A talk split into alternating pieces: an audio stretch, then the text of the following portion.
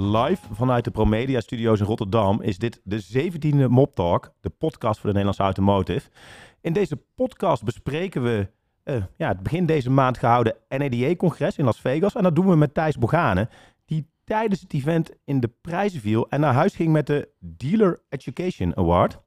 Uh, Thijs leidt de Bogane Groep, een van de grootste dealer- en schadebedrijven van Nederland. In 2023 realiseerde het bedrijf met ruim 900 medewerkers een omzet van 430 miljoen euro. En dat lees ik in de, voor de kijkers, splinternieuwe Automotive Dealer Holding Top 60. Die, ik zeg het toch maar even, nu te bestellen is. Um, ook in Las Vegas aanwezig waren uh, co-host Rolf Westgeest en vriend van de show Paul de Vries. Paul heeft Las Vegas direct verruild voor Spanje en is derhalve vandaag niet fysiek aanwezig. Maar later deze uitzending gaan we proberen hem telefonisch toch even te pakken te krijgen. Heren, welkom. Ja, dankjewel. Uh. Nou, dan beginnen we iedere uitzending met stellingen. Thijs, uh, graag kort beantwoorden. De nuance die komt straks in het gesprek. Komt ie de eerste. Ik geef mijn laatste euro liever uit aan Google dan aan een salesadviseur.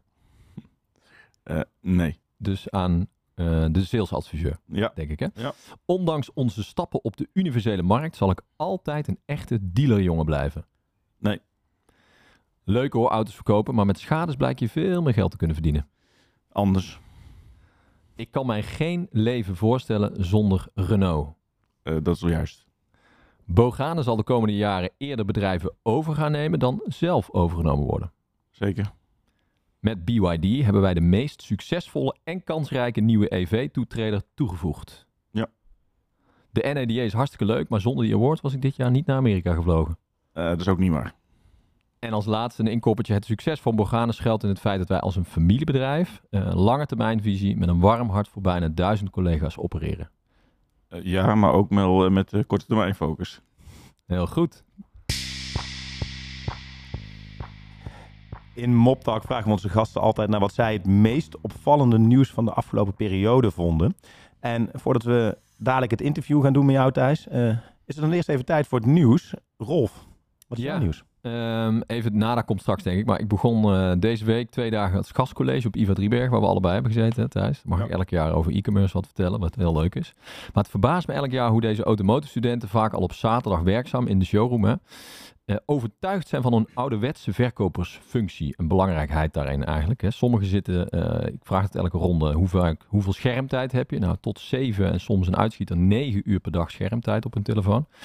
Maar als ze een auto gaan kopen, moeten ze eerst het gevoel krijgen bij de auto. Toch altijd naar de showroom gaan en onder de motorkap kijken. Wat denk jij dan? Ik denk dan, en, ja... Ja, dat laatste onder de motorkap kijken weet ik niet, maar... Gebeurt dat bij jullie nog? Uh, soms, soms. Maar uh, het is nog steeds een emotioneel proces. En zolang dat zo is, dan uh, is die showroomfunctie belangrijk. Ja, en die opleiding IVA qua autoverkoper, hè, onderhandelingstechnieken, is dat iets wat jij en ik 30, 40 jaar geleden, hè, ja. dat wordt nu nog steeds gegeven in dezelfde lokalen, op dezelfde ja. stoelen. Is dat, ja, zou dat eigenlijk anders moeten voor die verkoper? Mm, ik denk dat het wel handig is dat je weet dat de klant een beetje anders voorbereid is dan 30 jaar geleden. Je krijgt een beetje mee. Mijn zoon zit tegenwoordig op de IVA, dus dat is fantastisch om uh, de vernieuwing en de niet-vernieuwing te horen. Dus, uh, en daar heb ik lol van. En werkt nu ook in de showroom bij een, een andere dealerholding. Dus dat is ook weer mooi om, om Ja. te horen. maar in de basis blijft er nog wel veel hetzelfde. Oké. Heel goed. Ehm, ja, mijn nieuwtje. Uh, en dat is meer, uh, ik trek even iets wat breder. Het zijn een heleboel nieuwtjes bij elkaar. Maar ze hebben als gemene deler dat het denken over de elektrificering aan het kantelen is. Hè, we hebben het, de, de, de begin van dit decennium, zeg maar de eerste jaren, was het oké, okay, alles wordt EV. Alle fabrikanten zeiden in Europa sowieso vanaf 2030. Toen kwam een wetgeving overheen dat het vanaf 2035 zelfs verplicht moet worden. Mijn stelling nu is, in 2027, als de Europese Commissie de, het wetsvoorstel gaat herevalueren, zal hij dusdanig aangepast worden dat in 2035 het niet langer EV-only of zero-emissie-only zal zijn. Daar ben ik inmiddels echt heilig van overtuigd. Om een paar redenen. En de belangrijkste daarvan is, het kan gewoon niet. En niets wijst erop dat het wel zou kunnen. Dus ik denk dat iedereen zich er goed aan doet om zich voor te bereiden op een toekomst waarin EV niet 100%, maar misschien 50, 60, 70% van het totaal is. Toen bleef het stil. Nou, de vraag is of het een stelling is of het een nieuwtje is. ja. Ehm, oh ja, sorry. Van, Ja, ik, ik, dus ik denk, ja. naadloos van een nieuwtje naar een stelling. Ah, ben je het eens ja. met de stelling thuis? Nou, dat het, eh, eh, of het voor, formeel bijgesteld gaat worden, weet ik niet. Maar dat we een, eh, nou ja, mooi woordje gebruiken, hybride variant gaan krijgen. Dat, dat geloof ik wel, ja. Nou ja, goed. Anders moeten we ons totaal overleveren aan China. En zelfs dan zou de, is, is de groei van het wagenpark eigenlijk niet... We hebben nog steeds onvoldoende grondstof om te elektrificeren. Nog los van de laadinfra. Ik had eerder deze week ehm Allego aan de lijn. Die zeiden dat ze voor netverzwaring voor sommige om, zeg maar, snelladers te kunnen plaatsen... dat ze pas in 2031 aan de beurt zijn. Ja. En dan moet de elektrificering van het land als geheel nog, eh, nog, nog gaan beginnen eigenlijk. Thijs, heb jij nog een nieuwtje? Eh, ik heb altijd nieuwtjes in, in de zak. Eh, maar niet nog nader te noemen. nieuwtjes, nou anders misschien wel een beetje. Wij gaan nog een stapje zetten in, eh, in de groei van ons leasebedrijf. Daar heb ik heel veel zin in. 2300 auto's las ik. Nu eh 2300, dus dan gaan we net, net iets over de drie. En de ambitie is om in twee jaar naar 50 groeien, zeg Oh, maar. Dus dat zou mooi zijn. Oké, iets meer toelichting. Die 700 in één klap, dat is veel. Ja, dat is mooi hè? Ja. ja. dus eh, daar zijn we heel blij mee. Maar wat heb je overgenomen? Of is het nog te vroeg om dat te nou, nemen? dat is net iets te vroeg, zeg maar. maar ehm, dus daar ben ik blij mee. En we gaan nog eh, nou, eh, op korte termijn een klein stapje zetten met, eh, met ons Boekhorst eh, schadebedrijf. Dus we zijn de hele dag aan het, aan het puzzelen richting ons eh, nou ja, net weer geschreven plan van 2026. Dus dat is hartstikke leuk om te doen. Gaan we het zo uitgebreid over hebben.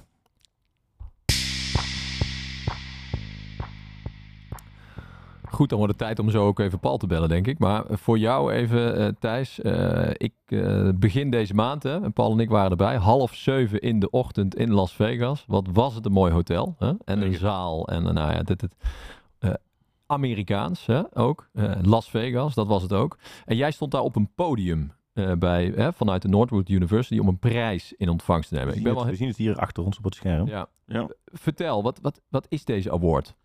De eh, zeg maar Northwood University die ehm, erkent en herkent sinds eh, 1972, dus net iets meer dan 50 jaar inmiddels, ondernemers in het automotive landschap die ze graag willen nou, lauweren, om het zo maar te zeggen, over wat ze doen binnen de sector. En dan met name zeg maar wat ze bijdragen aan het opleidingsstuk in ons vak. En ehm, ik heb daar in 98 eh, mogen studeren. Dus dan is het prachtig als je zeg maar zo 25 jaar later eh, nog op de radar staat. Ja, na twee jaar Driebergen, in, eh, de IVA in Driebergen, zeg maar, ben jij direct naar Noordhoed gegaan, toch? Ja, Iva had destijds nog geen HBO-opleiding zelf. Erkenning? Nee? Kenning, dus dat is natuurlijk een prachtig traject dat je twee jaar in Driebergen zit en dan een jaar in Amerika. En dan kom je met je bachelor's degree eh, thuis. Eh, en een dosis eh, ervaring en plezier natuurlijk. Ja. Maar geweldig, want ze hebben daar die- dus de studenten, er waren er 15 aan woord kregen dit jaar volgens mij. Dat is Ja, elk jaar misschien zo. Of, Ja. Ehm, en je wist ook zeker dat je hem zou krijgen. Dat was ook geen... eh, Nee, ze hebben hem wel aangekondigd, zodat je in ieder geval niet eh, voor, de, voor zomaar invliegt. Ja. Wat ik fantastisch vond, is die meiden en die jongens van 20 stonden daar een daverende speech te houden over jou, onder andere. eh, en over die... Ik vond het echt... Ja, het, is, het is bijzonder knap, vind ik, hoe... en dat is misschien ook wel een van de... Hè, maar daar hebben we het straks misschien nog over, de NADA-dingen. Het stukje sales en marketing, maar hoe, hoe dat meisje wat freshman is, 19 jaar... eh, hoe, hoe die ons bedrijf, zeg maar, en mij staat te, te, te pitchen, om het zo maar te Ja. zeggen. Nou, daar... eh weet je af, hè? petje af, ja. Ja, echt dat, petje Eh. Degene die we hier in het midden zien? Of? nee, nee, nee, nee, Die had Ah, ook een award gekregen. Nee. Ah, oké. Nee, het was een, eh, ze was jong en blond, Bart. Ik had wel verwacht dat je ze misschien eh, had gezien. Ehm, je zei dat die, dat die tijd op de universiteit je ook gevormd heeft. In welk opzicht? Nou, ik heb, eh, toevallig ben ik gisteren met een stel vrienden waarmee ik destijds daar heb gestudeerd nog uit eten geweest. En eh, dus je, zeg maar, je hebt vrienden voor het leven gemaakt. Je gaat eh, zeg maar als vrij jong persoon eh, word je toch geacht naar het buitenland te verhuizen, andere taal, ander opleidingsniveau. Ja, eigenlijk denk ik wel dat dat je een beetje verandert, om het zo maar te zeggen. 35 Nederlanders waren er toen, hè? Toen Ja. jij ging in, in dat jaar. Hoeveel studenten zitten daar? In totaal zitten er eh, 2.500 op de campus. En ze hebben duizend eh, blijkbaar internationaal tegenwoordig. Ja, Ja. ja. Nou ja, wat ik wel heel interessant, want de, de mensen van Noordhoek, eh, die hebben, oh, Noordwood spraken we daarna ook even. De mix, dat ze dus echt de Amerikanen ook mixen met de niet-Amerikanen. Ja. Dat is ook een van de sleutels van die universiteit, binnen dat het automotive hè, eh, is. Ehm, en ja, ik, dat maakt het denk ik ook voor de Amerikanen wel heel interessant om ook eens een keer uit hun hè, Amerikaanse blik te kijken. Merkte je dat ook? Of, heb, of leef je dan op een eiland met 35 Nederlanders en eh, ja... Nee, nee, nee. Toen, toen wij er zaten hadden we ook veel studenten uit Maleisië, weet ik nog. En die, eh, dat zijn eh, best hele slimme mensen, maar wat minder goed in presentatie. Dus we konden dat mooi, mooi een beetje verdelen van wie doet nu wat. Ja. En, het project en jij de project bij presentatie. de presentatie. Was wel een goede deal op zich. En, ehm, eh, maar het is mooi dat je met die Amerikaans... Ja, je, je hebt gewoon een hele mooie mix. En, Ja. ik denk dat je daar ook al leert internationaal te denken. Dus dat is mooi. Ehm, ja, dan gaan we het over de NADA hebben. En dat kan natuurlijk echt alleen met Paul erbij. Paul is toch wel inmiddels uitgegroeid een beetje tot Mr. NADA. Ehm, Paul, kun jij ons horen? Yes. Ja, ik kan je horen. Heel goed. Volgens mij horen we jou ook heel goed. Ja, Ja? zeker. Mooi. Paul, welkom eh, vanuit Spanje. Waar ben je? Precies in Spanje? Dankjewel. Eh ik ben nu bij Lorca. Dus eh, iets eh, bij Murcia in de buurt. Ehm, Dus, ja, net iets anders dan Las Vegas. zeker. Om maar even een heel slecht bruggetje te maken. Eh, Paul, we, we hebben het over de NADA. Ehm, ja, jij bent de afgelopen 15 edities alle 15 keer geweest. Wat is jou van deze editie bijgebleven? Nou ja, behalve dat het eh, oprecht een eer was om, eh, om bij, bij Thijs de uitreiking te zijn. Het was ontzettend leuk om te zien hoe Amerikanen je toch, zeg maar, in dit geval dus een Thijs een, ja, een, eh, zeg maar een podium kunnen geven. Ook al was het heel erg vroeg, hè, kwart voor zeven. Maar dat doen ze toch met zoveel verven en dergelijke. Het is prachtig om te zien. Ehm, aan de andere kant zie ik vanuit mijn perspectief, hè, vanuit de online automotive perspectief, is dat Europa en dan vooral eh, Nederland, de UK, eigenlijk in nergens achterlopen meer ten opzichte van de Amerikanen. Hè, qua softwareoplossingen, qua denkwijze, qua manier van communiceren en dergelijke, lopen we eigenlijk nergens meer achter op de Amerikanen. En dat is jarenlang wel anders geweest. Hè, maar dat valt me nu wel op dat het eigenlijk niet zo heel veel nieuws was op mijn vakgebied. Oké, dan kunnen we dit gesprek heel kort houden, eh, Paul. Ehm, nee, nee, is er niets, zeg maar, wat je echt bijgebleven? Want jij zegt altijd, eh, iedereen moet naar de NADA gaan eigenlijk, als je je vak Zeker. serieus neemt. Ook omdat je er altijd wel iets van mee terugneemt. Ik neem aan dat je ook dit jaar er toch wel iets mee teruggenomen. Nee, eens. eens. Kijk, maar als, als je als dealer bent, zeg maar, dan kun je naar de aftersales kant kijken. Je kunt naar de financiële kant kijken. Je kunt naar de sales kant kijken. Je kunt eh, in, in het geval van, van Thijs ook nog naar wasstraten kijken, naar eh, autoschade. eh, er is zoveel te zien, vooral op die expo en dergelijke, aan nieuwe dingen, dat er altijd heel veel nieuws te vinden is. Puur specifiek op mijn vakgebied online automotive dan niet zo heel erg veel. Maar wat we, wat we wel hebben gedaan is een workshop bijvoorbeeld van een Jason Rice.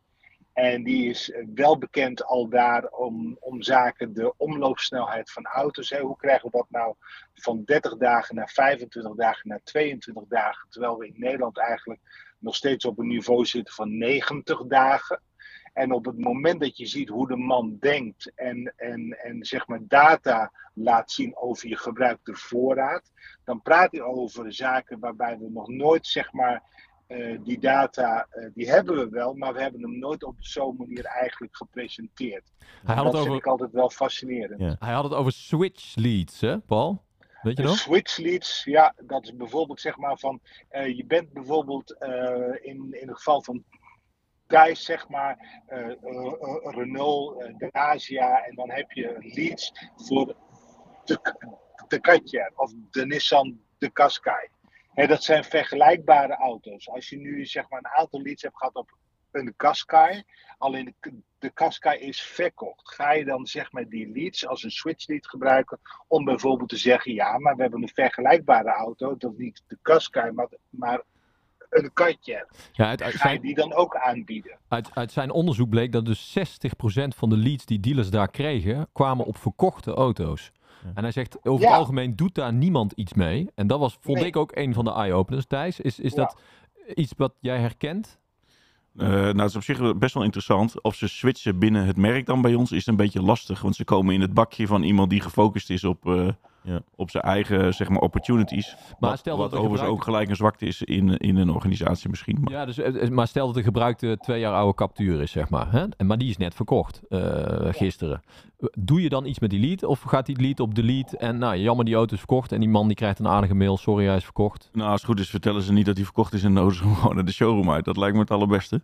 En, eh, en eh, Om probeer... dus zo'nzelfde product weer te verkopen. Ja, uiteraard. Ja, ja, ja. ja. Ehm, Thijs, Paul hij had het over de expo. Ja. ehm, en noemde nog even wasstraten en, en ontwikkelingen in, de schademarkt. heb jij daar zeg maar, op die expo dan rondgelopen en dingen gezien waarvan je dacht van, goh, dat is Nou, interessant? Ja, ik heb, ik heb best wel veel tijd, dat doe ik graag op de expo-vloer rondgelopen. En eh, Paul zegt terecht, de wasstraatoplossingen bijvoorbeeld zijn best wel interessant. Schade denk ik iets minder nog. Eh, en, en daar heb ik overigens niet zoveel verstand van. Hè. Dat doet Martijn eh, bij ons. Eh, maar maar eh, Boekhorst. Martijn Boekhorst, ja. Maar ik, ik loop wel heel graag over de expo-vloer. vloer. Ik ga graag naar de dealer franchise meetings. Dat vind ik altijd eh, grappig om de Ja. verschillen te zien tussen Nissan Amerika, wat ietsje groter is dan Nissan in, in Nederland. Ja. Eh, en de internationals eh, vind ik ook leuk om te spreken. Ja. Eh, Paul die had het ook over omloopsnelheid. Hè? In Nederland is het 90 dagen een beetje min of meer de norm. Het zou veel minder moeten zijn, zegt Paul. Tegelijkertijd spreken we ook heel veel mensen die we ook zeer serieus nemen. Die zeggen 90 dagen, of in ieder geval tussen de 60 en 90 dagen is prima. Hoe kijk jij daarna? Nou, die, die discussie is bij ons best wel levendig. Hè? Dus dat we, dat we zeggen, kan 4 niet 5 worden en 5 niet 6.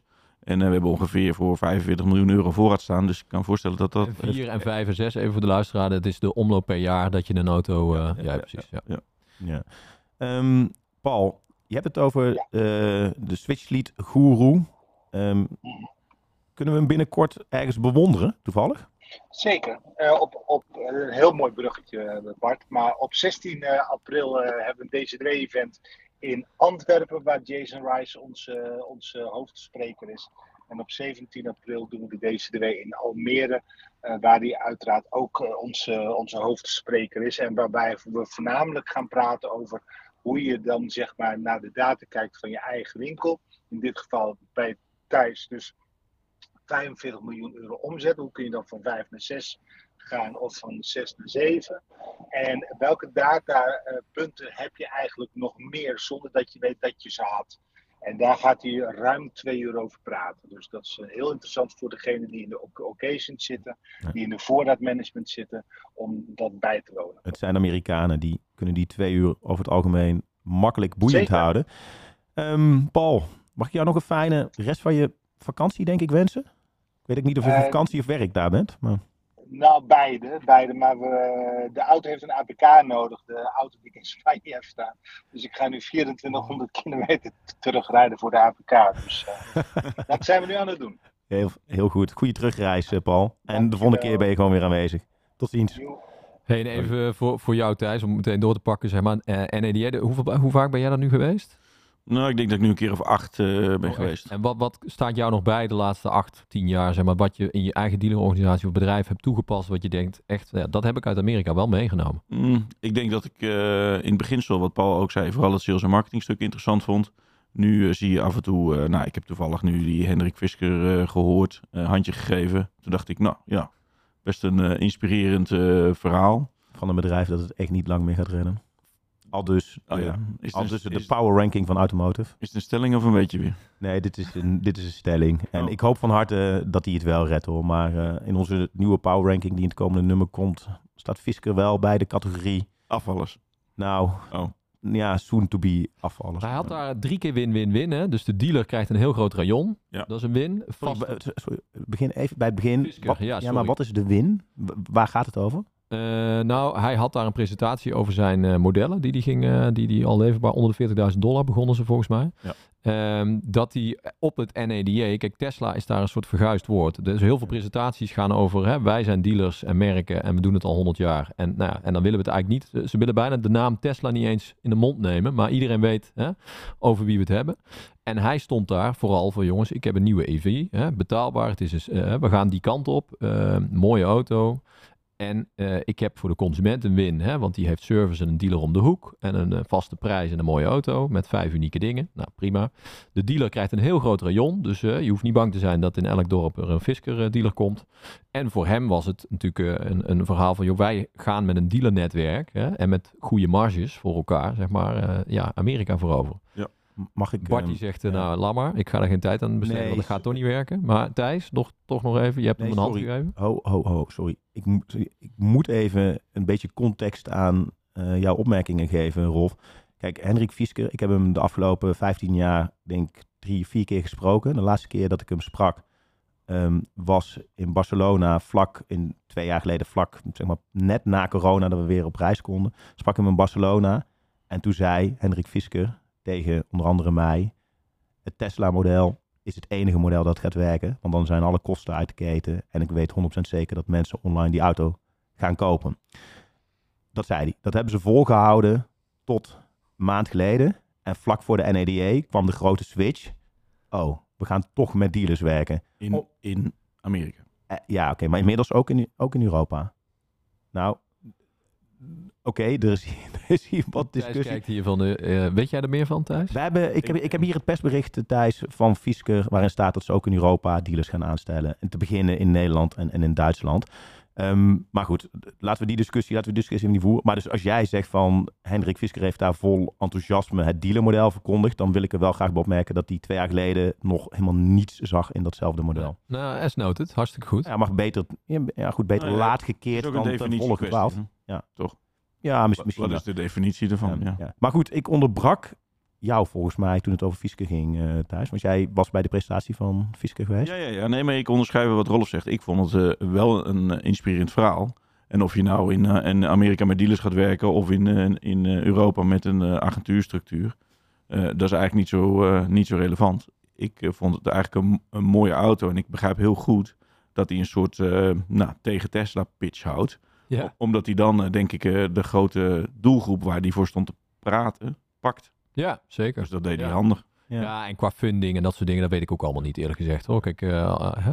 Geld zal is, natuurlijk echt wel wat moeten gebeuren als er eh, van die fiches af de bank. ja, er zal snel geld bij moeten. Rolf, is dit het moment om Thijs even Ja. nog een keer te introduceren? Wie hebben we in de podcast, hè? Thijs Oh. Boegane. Oh ja. Bij deze. Eh, nou ja, Iva Noordhoed weten we. Daarna heb je eh, nog een studie gedaan, toch? Ik heb eh Radboud Universiteit heet Oh ja. tegenwoordig in Nijmegen gedaan. Ja. Ja. Ja. En in 2008 ben je leiding gegeven aan het familiebedrijf Boegane Groep. Ja. In de nieuwe dealer top 60 die Bart al heeft laten zien, hè, van de automotive staan jullie nu op plek 611. 11. Met 16 dealervestigingen, Renault, Dacia, Nissan en Mitsubishi. Eigen lease en verhuurmaatschappij, daar hebben we net natuurlijk ook al het een en ander over gehoord. Ja. Vorig jaar actief geworden ook op de universele markt. Met de overname Jan van Maurik, zoon uit Geldermalsen. En samen met Martijn Boekhorst, ook al even genoemd, hè, 25 schadebedrijven nu op dit moment. Ehm, zo heeft iedereen in ieder geval een beeld van jou. Hè? Eh, nogmaals, welkom. Ja. We zijn natuurlijk al even onderweg. Maar even van waar die unieke samenwerking met Boekhorst. Want het, aan de achterkant eh, eh, is het samen. En aan de voorkant zijn het twee verschillende bedrijven. Kun je dat eens uitleggen? Nou, wat we eigenlijk binnen zeg maar, mijn bedrijf, de Begane Groep, willen doen, is dat we eh, gewoon een, een groepsbrede organisatie aan het bouwen zijn met een eh, nou, stabiel bedrijfsrendement. Dat eh, faciliteert natuurlijk groei en werkgelegenheid. Dat zijn eh, allemaal mooie termen, maar is wel eh, waar we het voor doen. Eh, we doen het voor de lange termijn. En om, eh, eh, om daar te komen, zeg maar, hebben we op korte termijn eh, resultaat nodig. Re- resultaat gebruiken wij als ruilmiddel voor ambitie. Nou, en wat je ziet is dat als je een, ehm, een kolom bouwt zoals Boekhorst schade is, dan heb je daar echt focus en expertise voor nodig. En anders gaat het niet. Dus ik denk dat Martijn en ik elkaar daar heel goed hebben gevonden. En in 2017 zijn we gestart. met ik geloof vier of vijf vestigingen. Ja, dat is echt eh, tot nu toe eh, heel eh, mooi uitgepakt. En wat is dan die achterkant die je samen hebt? Wat, wat, welke is dat HR? Is dat IT? Wat, Nou ja, de shared services sowieso. En eh, Martijn is eh, de, de, de frontman natuurlijk en het gezicht van, eh, van het bedrijf. Eh, en op de achtergrond eh, ja, ondersteunen we elkaar, laten we het maar zo zeggen. Ehm, de enige andere dealer die net zoveel schadevestigingen heeft, of misschien nog net iets meer, is van Mossel. Dat is ook om gewoon het eigen interne eh, economie, zeg maar, dicht te zetten. Is dat ook bij jullie, zeg maar, een plan om op al die plekken waar je met schade zit ook met retail actief Nee. te zijn? Nee, dus wij hebben een ander model gekozen. Dus eh, Boekhorst Autoschade staat gewoon los. Werkt ook lokaal gewoon met eh, andere bedrijven samen. Dat is ook iets wat Martijn gewoon organiseert. Bestelt ook gewoon lokaal de onderdelen en de auto's. Dus wij ehm, ehm, trekken daar niet de, de groepstructuur naar binnen. Heel goed. Oké. En van schade gaan we naar onafhankelijk. Je zei net al van hè, niet eh, in de stelling eh, en niet een dealerjongen en niet onafhankelijk. Hè. Ehm, eh, toch die onafhankelijke move ehm, die je aan het maken bent. Ja, ik denk, kijk, de onafhankelijke markt is natuurlijk. ehm, ik vind overigens het woord onafhankelijk altijd een beetje een. Ja. heb ik met Gerard. Ja. Ja. Gerrit de Buren in wat is dat nou voor. Helemaal goed. Universeel. Is het beter? universeel misschien, ja. Ja. Weet je, in de basis eh, kun je een veel bredere markt bedienen. Kun je in plaatsen gaan zitten waar je met eh, dealervestigingen misschien niet meer ehm, actief eh, wil of kan zijn in samenspraak met je fabrikant. Terwijl er best een grote markt is met veel potentieel ook voor afzet gebruikt en after sales. Dus wij zien het gewoon als een heel mooi verdienmodel. Maar je moet het ook weer apart branden, denken wij. en apart laten besturen. Omdat het toch een behoorlijk ander vak is. Ja, goed old Adriaan Roggeveen zei daar ooit over. Een dealer kan alleen universele activiteiten gaan ontplooien als hij een hersentransplantatie ondergaat eerst. Dat, dat herken je dus wel, zeg maar. Daar moet gewoon aparte, dedicated mensen op die dat gewoon, dat spelletje kennen. Ja, en dat is best wel. eh, nou, we, zijn, we hebben het nu een jaar aan boord ongeveer. En we zijn er nog steeds van aan het leren. En op het moment dat we zover zijn, dan willen we graag eh, uitbreiden daarin. Ja, want jullie zijn al naar Utrecht uitgebreid. Ja, dat is waar. Dat was een rebranding van een eigen vestiging natuurlijk. Oké. Eh, dus we hebben nu Utrecht, Culemborg en eh Geldermalsen. Ehm, en er zijn best wel wat plaatsen die we gedefinieerd hebben als zijn interessant voor onze organisatie. En dan ga je onder die naam, zou je bijvoorbeeld nog verder kunnen Ja. groeien. Ja. Oké. Eén vraag er nog over. Is er iets wat daar in dat bedrijf gangbaar is en wat ze daar in hun processen hebben zitten, waarvan jij echt opkeek, waarvan je dacht van, vrek, nooit zo over gedacht dat het ook zo zou kunnen? Nou, wat ik heel interessant vind is wij kennen natuurlijk verkopers en verkoopadministratie. Dat kennen ze daar niet. Dus dat is zeg maar dezelfde persoon. Dus waar wij natuurlijk een order schrijven, gaat hij naar een centrale afdeling die factureren, bestellen, verwerken. En, eh, en dat doen die jongens allemaal zelf. Eh, met hetzelfde volume overigens. Dus dat is, eh, want anders dan zit het ergens, maar dat is niet zo. Ja. Eh, en de verhouding eh, eh, direct-indirect, dus zeg maar even monteurs versus eh front office, is vele malen beter. En is dat iets wat je bij dealers, bij jouw dealerbedrijven zeg maar ook nog eh, aan die knoppen kan gaan draaien, denk je? Of, of is dat gewoon een andere wereld? Mm, ik denk dat we het altijd kunnen verbeteren, maar dan zul je zeg maar eh, samen met je fabrikant moeten kijken naar welke systemen je in je organisatie hebt draaien. Ja. En hoe je dat allemaal kan vereenvoudigen. Kijk, want de trend is minder contractpartners vanuit die fabrikanten. Hè? Nou, dat, daar zitten we al 20, 30 jaar in misschien. Hè? En uiteindelijk de onafhankelijke bedrijven, die blijven lokaal echt nog aanwezig de komende... Ja. Mm, jawel, maar ik denk wel dat ehm, ook bij de onafhankelijke gaat er nog wel een, eh, een, een, een indikking plaatsvinden. Ja, dat, dat, onder, dat onderschrijf ik ook wel op basis van wat wij, de, wat wij als nieuws publiceren. Kijk, heel veel van die bedrijven, de pap, ook zijn veel papa-mama bedrijven en veel papa mama zijn inmiddels richting pensioengerechtigde leeftijd aan het gaan.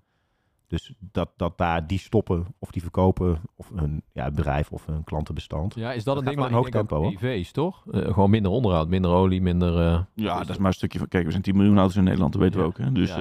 ja. ja, ik ben het met je eens. Maar dat deel van de markt zit eh, absoluut nog niet eh, bij het universele kanaal. Nee, nee, nee. Er is nog... eh, Althans beperkt. Ja. Ja.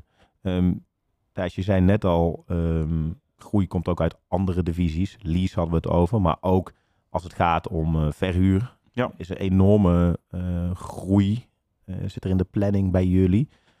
Ehm, is dat ook gewoon noodzakelijk om in de toekomst een gezond rendement te kunnen blijven realiseren? Nou, wat ik graag wilde, daar hebben we vijf, zes jaar geleden uitgebreid over gesproken intern, is dat zeg maar, de, de totale marge die we genereren als bedrijf, die wilden we een klein beetje differentiëren vanuit zeg maar, de groei in andere activiteiten anders dan de bijdrage nieuw. Eh, zodat als je eh, zeg maar, een beetje conjunctuur in je, in je economie hebt, dat je daar wat minder gevoelig voor bent. Ehm, ik denk dat dat best goed lukt. Alhoewel we wel moeten vergeten, of niet moeten vergeten dat het altijd begint met het verkopen van een auto natuurlijk. Ehm, maar inderdaad, de groei van verhuur en services zijn, eh, ja, zijn mooie toevoegingen in het bedrijf, vind ik. Ja. Ja, en, en, en daar hebben we het dus over heel veel takken. En waar zit dan die synergie? Want je doet nogal veel. Het, en het, ik vind het heel knap hoor. Ehm, en, en zie je dan wel de, de, de synergieovereenkomsten hè, binnen eh, bijvoorbeeld eh, eh, personeel die van het ene wil doorgroeien of ergens niet passen naar het andere? Waar zitten voor Mm. jou vooral de voordelen om, om die paraplu en die kapstok zo Nou, breed op te hebben gezet? Dit is precies wel mijn uitdaging van vandaag. Hè. Wij zijn ongeveer, nou, ik denk 50% gegroeid in de afgelopen paar jaar. En dat doe je door focus in een bepaalde discipline of in een zuil, net hoe je het wil noemen. En dan, ehm, nou, dan krijg je de, zeg maar, mijn directietafel. Die zijn het op zich allemaal wel met elkaar eens. Eh, maar als ze naar buiten lopen, zeg maar, ook weer niet altijd. Ehm, en dat, ja, enerzijds begrijp ik dat, want ik verwacht ook een bepaalde output. Dus dan gaan ze natuurlijk gewoon eh, kijken waar ze dat het makkelijkste kunnen realiseren. Dat is niet altijd buiten, soms binnen. Ehm, maar daar zijn we nu druk over bezig om te kijken van ja jongens, hoe kunnen we nou zorgen dat we eigenlijk eh, die 950, maar laten we eerst zeggen de bovenste 100 of de onderste 100, net hoe je wil eh, Ja, ja. praten in termen van faciliteren. Ja, hoe we dat laten samenwerken. Want daar zit nog bij ons wel veel winst. Dus denk ik gewoon, misschien ook het gevolg van groei, dat weet ik niet. Wat even, hoe is jouw rol dan nu? En, en hoe wordt het MT dan anders dan vijf jaar of twee jaar geleden? Nou, ik heb nu eh, natuurlijk een algemeen directeur voor het autobedrijf, algemeen directeur voor schade, eentje voor eh, lease, eentje voor verhuur. Ehm, services zit bij verhuur bij Wouter in dit geval, eh, Van Kesteren. Wouter van Kester ondergebracht. Eh, ik heb uiteindelijk een eh, CFO die moet zorgen dat er geld is om de groei te faciliteren. Ehm, en Bas Wiebi die bij mij business development en ook business improvement onder zich heeft. En overigens ook shared services tegenwoordig.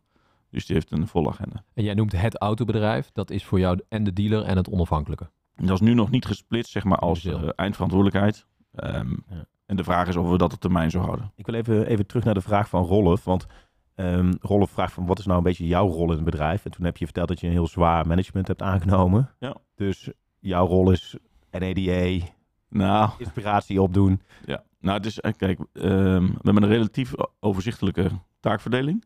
Dus we hebben een zeg maar, strategisch plan geschreven waarin een bepaalde groeiambitie naar voren komt. Eh, en zeg maar de executie van die ambitie, dus de invulling daarvan, ja, die ligt bij mij. Eh, tot het zeg maar eh, gerealiseerd is. Een mooi voorbeeld is denk ik eh, BYD. Op enig moment sluit je daar een eh, overeenkomst mee. Eh, en op enig moment open je de voordeur. En op het moment dat die voordeur geopend is, dan eh, ja, is het niet meer mijn verantwoordelijkheid. Ja, Nou ja, want, recent, je begrijpt wat Ja, ik bedoel. ja, Ja. ja. ja, de, de- kijk, de afgelopen jaren was je alleen nog eh, qua nieuwverkoop deed je de alliantiemerken. Hè? De Renault, Nissan, eh, Mitsubishi Alliantie. Ja. Ehm, alle andere merken die je voerde heb je eigenlijk in de afgelopen jaren ook weer afgevoerd. Ja. Nu komt er met BYD, je stipt het zelf al aan, toch weer een niet-alliantiemerk bij. Wat, wat, wat, welke, wat, welke gedachten liggen daar aan de grondslag? Ehm, nou, ik, ik denk wel dat je goed aangeeft dat het een spannende stap is. Want we, we gaan weer een beetje eh, differentiëren. Ik denk dat wij heel graag een... Klinkt eh, als, ik heb daar vroeger eh, af en toe wel eens hoofdpijn van gehad, van het differentiëren. Nou, ik denk dat wij een... nou, de- nee, ik heb er geen hoofdpijn van gehad. Maar ik weet wel, in een eh, consolidatieomgeving eh, moet je keuzes maken. Tenminste, als je portemonnee je daar ook een beetje toe Mhm. noodzaakt. Nou, dat was bij ons zo. En daar ben ik echt heel blij mee dat ik die keuze heb gemaakt. Want daardoor sta ik waar ik nu sta. En daardoor kunnen we nu ook weer nieuwe keuzes maken. En volgens mij in de timing klopt die. Wij vinden het ook prettig om een verbindenis te hebben met Lauwman. Eh, en ehm, onderschat ook niet de voordelen die het heeft voor eh Boekhorst, eh, lease, verhuur en services, zeg maar. Om eh, samen met Lauwman landelijk dit te mogen doen. Ja, wat verwacht je van BYD in de komende jaren? Ik verwacht er heel veel van, natuurlijk. Je komt er net vandaan, toch? Ja, we zijn net hier in de vestiging in eh, Rotterdam eh, bij de producten geweest. En hebben een, zeg maar, onboarding sessie gehad met mijn team. Wat vond je ervan en wat viel je op? Ik ben eh, heel enthousiast over ehm, de modellen zelf. En wat ik heel leuk vind is dat uh, Lauwman ervoor gekozen heeft om het buiten de bestaande organisatie. Dus het heeft heel erg een soort start-up-achtige sfeer. En dat is voor mij nieuw. En wat ook nieuw is dat ehm, ja, we het echt met elkaar voor het hele land gaan benaderen. En ehm, in Dielenland is het ook nog wel eens een keer van we doen het samen en dan eh, doen we het toch niet. Je, bent, je bent wel de enige niet-Lauwman-partner, om het zo maar even te zeggen. Want als ik me niet vergis, zijn de, de dealer, de retailpartners nu zijn Lauwman zelf, ADG Groep voor het noorden, jullie voor het midden en dan voor het zuiden. Volgens mij is er nog niet? Of Nee, Lauwman- volgens mij is dat het. Ja. Oh, oké. Ehm, in, als je gaat kijken naar, je zegt ik verwacht er heel veel van, maar verwacht je er Renault veel van? Of Nissan veel? Of Mitsubishi veel? Kun je misschien zo'n klein beetje extra duiding geven? Eh, nou, eerder Mitsubishi veel dan, eh, dan Renault veel. veel als je praat over volumes, maar dat is logisch. Ehm, ja, ik denk dat we dit jaar richting de 3000 auto's landelijk moeten kunnen groeien. Dus de vraag is even hoe benader je het? Benader je het op de totale markt of in het zeg maar EV-segment? Ik denk dat je het zo zou moeten bekijken. Hey, en Renault, is, de, eh, ja, heb je daar moeilijke gesprekken mee gehad? Want ik kan me ook wel voorstellen dat zij eh, dit ook wel als een soort eh, interne concurrentie zien.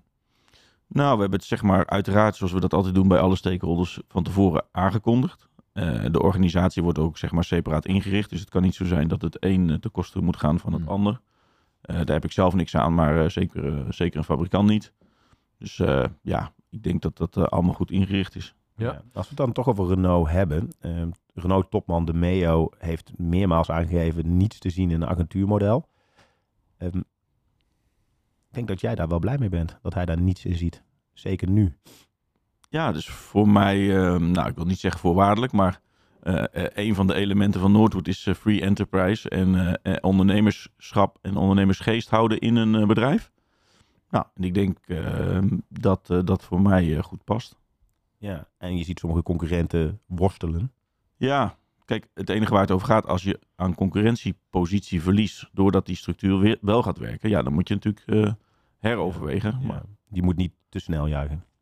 Maar daar gaat het dan in Amerika ook veel over. Hè? Bij Ford bijvoorbeeld. Nou, daar hebben we, hè, dat is natuurlijk in Amerika een mega groot merk. Daar hebben we het natuurlijk ook over. Wat, hoe kijk jij dan naar hè, een merk als Ford en dan in het klein in Nederland? Want alles is hier eigenlijk in het klein als je vanuit daar naar hier kijkt.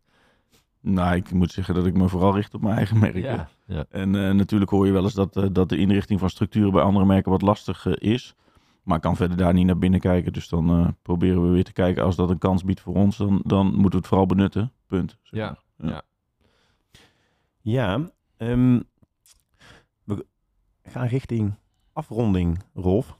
ja. Wat Maar we he- moeten we echt nog vragen aan Thijs? nou, no- nog Ja, een wat je nou eens willen weten? Ja, Hey. precies. Vertel het eens.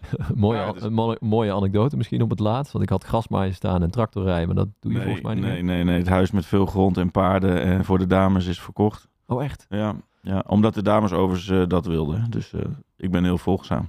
Heel goed. En nou ja, goed, dan kunnen we het hebben waar je dan nu woont. Of hoe, die, hoe je tuin en, eh, en je stallen eruit zien. Maar goed, daar gaan we het niet... eh, Nee, is niet zo interessant. Even het, het EV-verhaal. Daar heb jij natuurlijk een hoop over geschreven en over gezegd, Bart. En nog steeds zit jij, denk ik, eh, hè, voor in de linies om te zeggen bij en gebruikt. Hè, het remarketing-event straks in maart zal er ook over gaan. Maar eh, ook Nogal. het nieuwe verhaal. Hè, van welke merken blijven, welke merken blijven niet.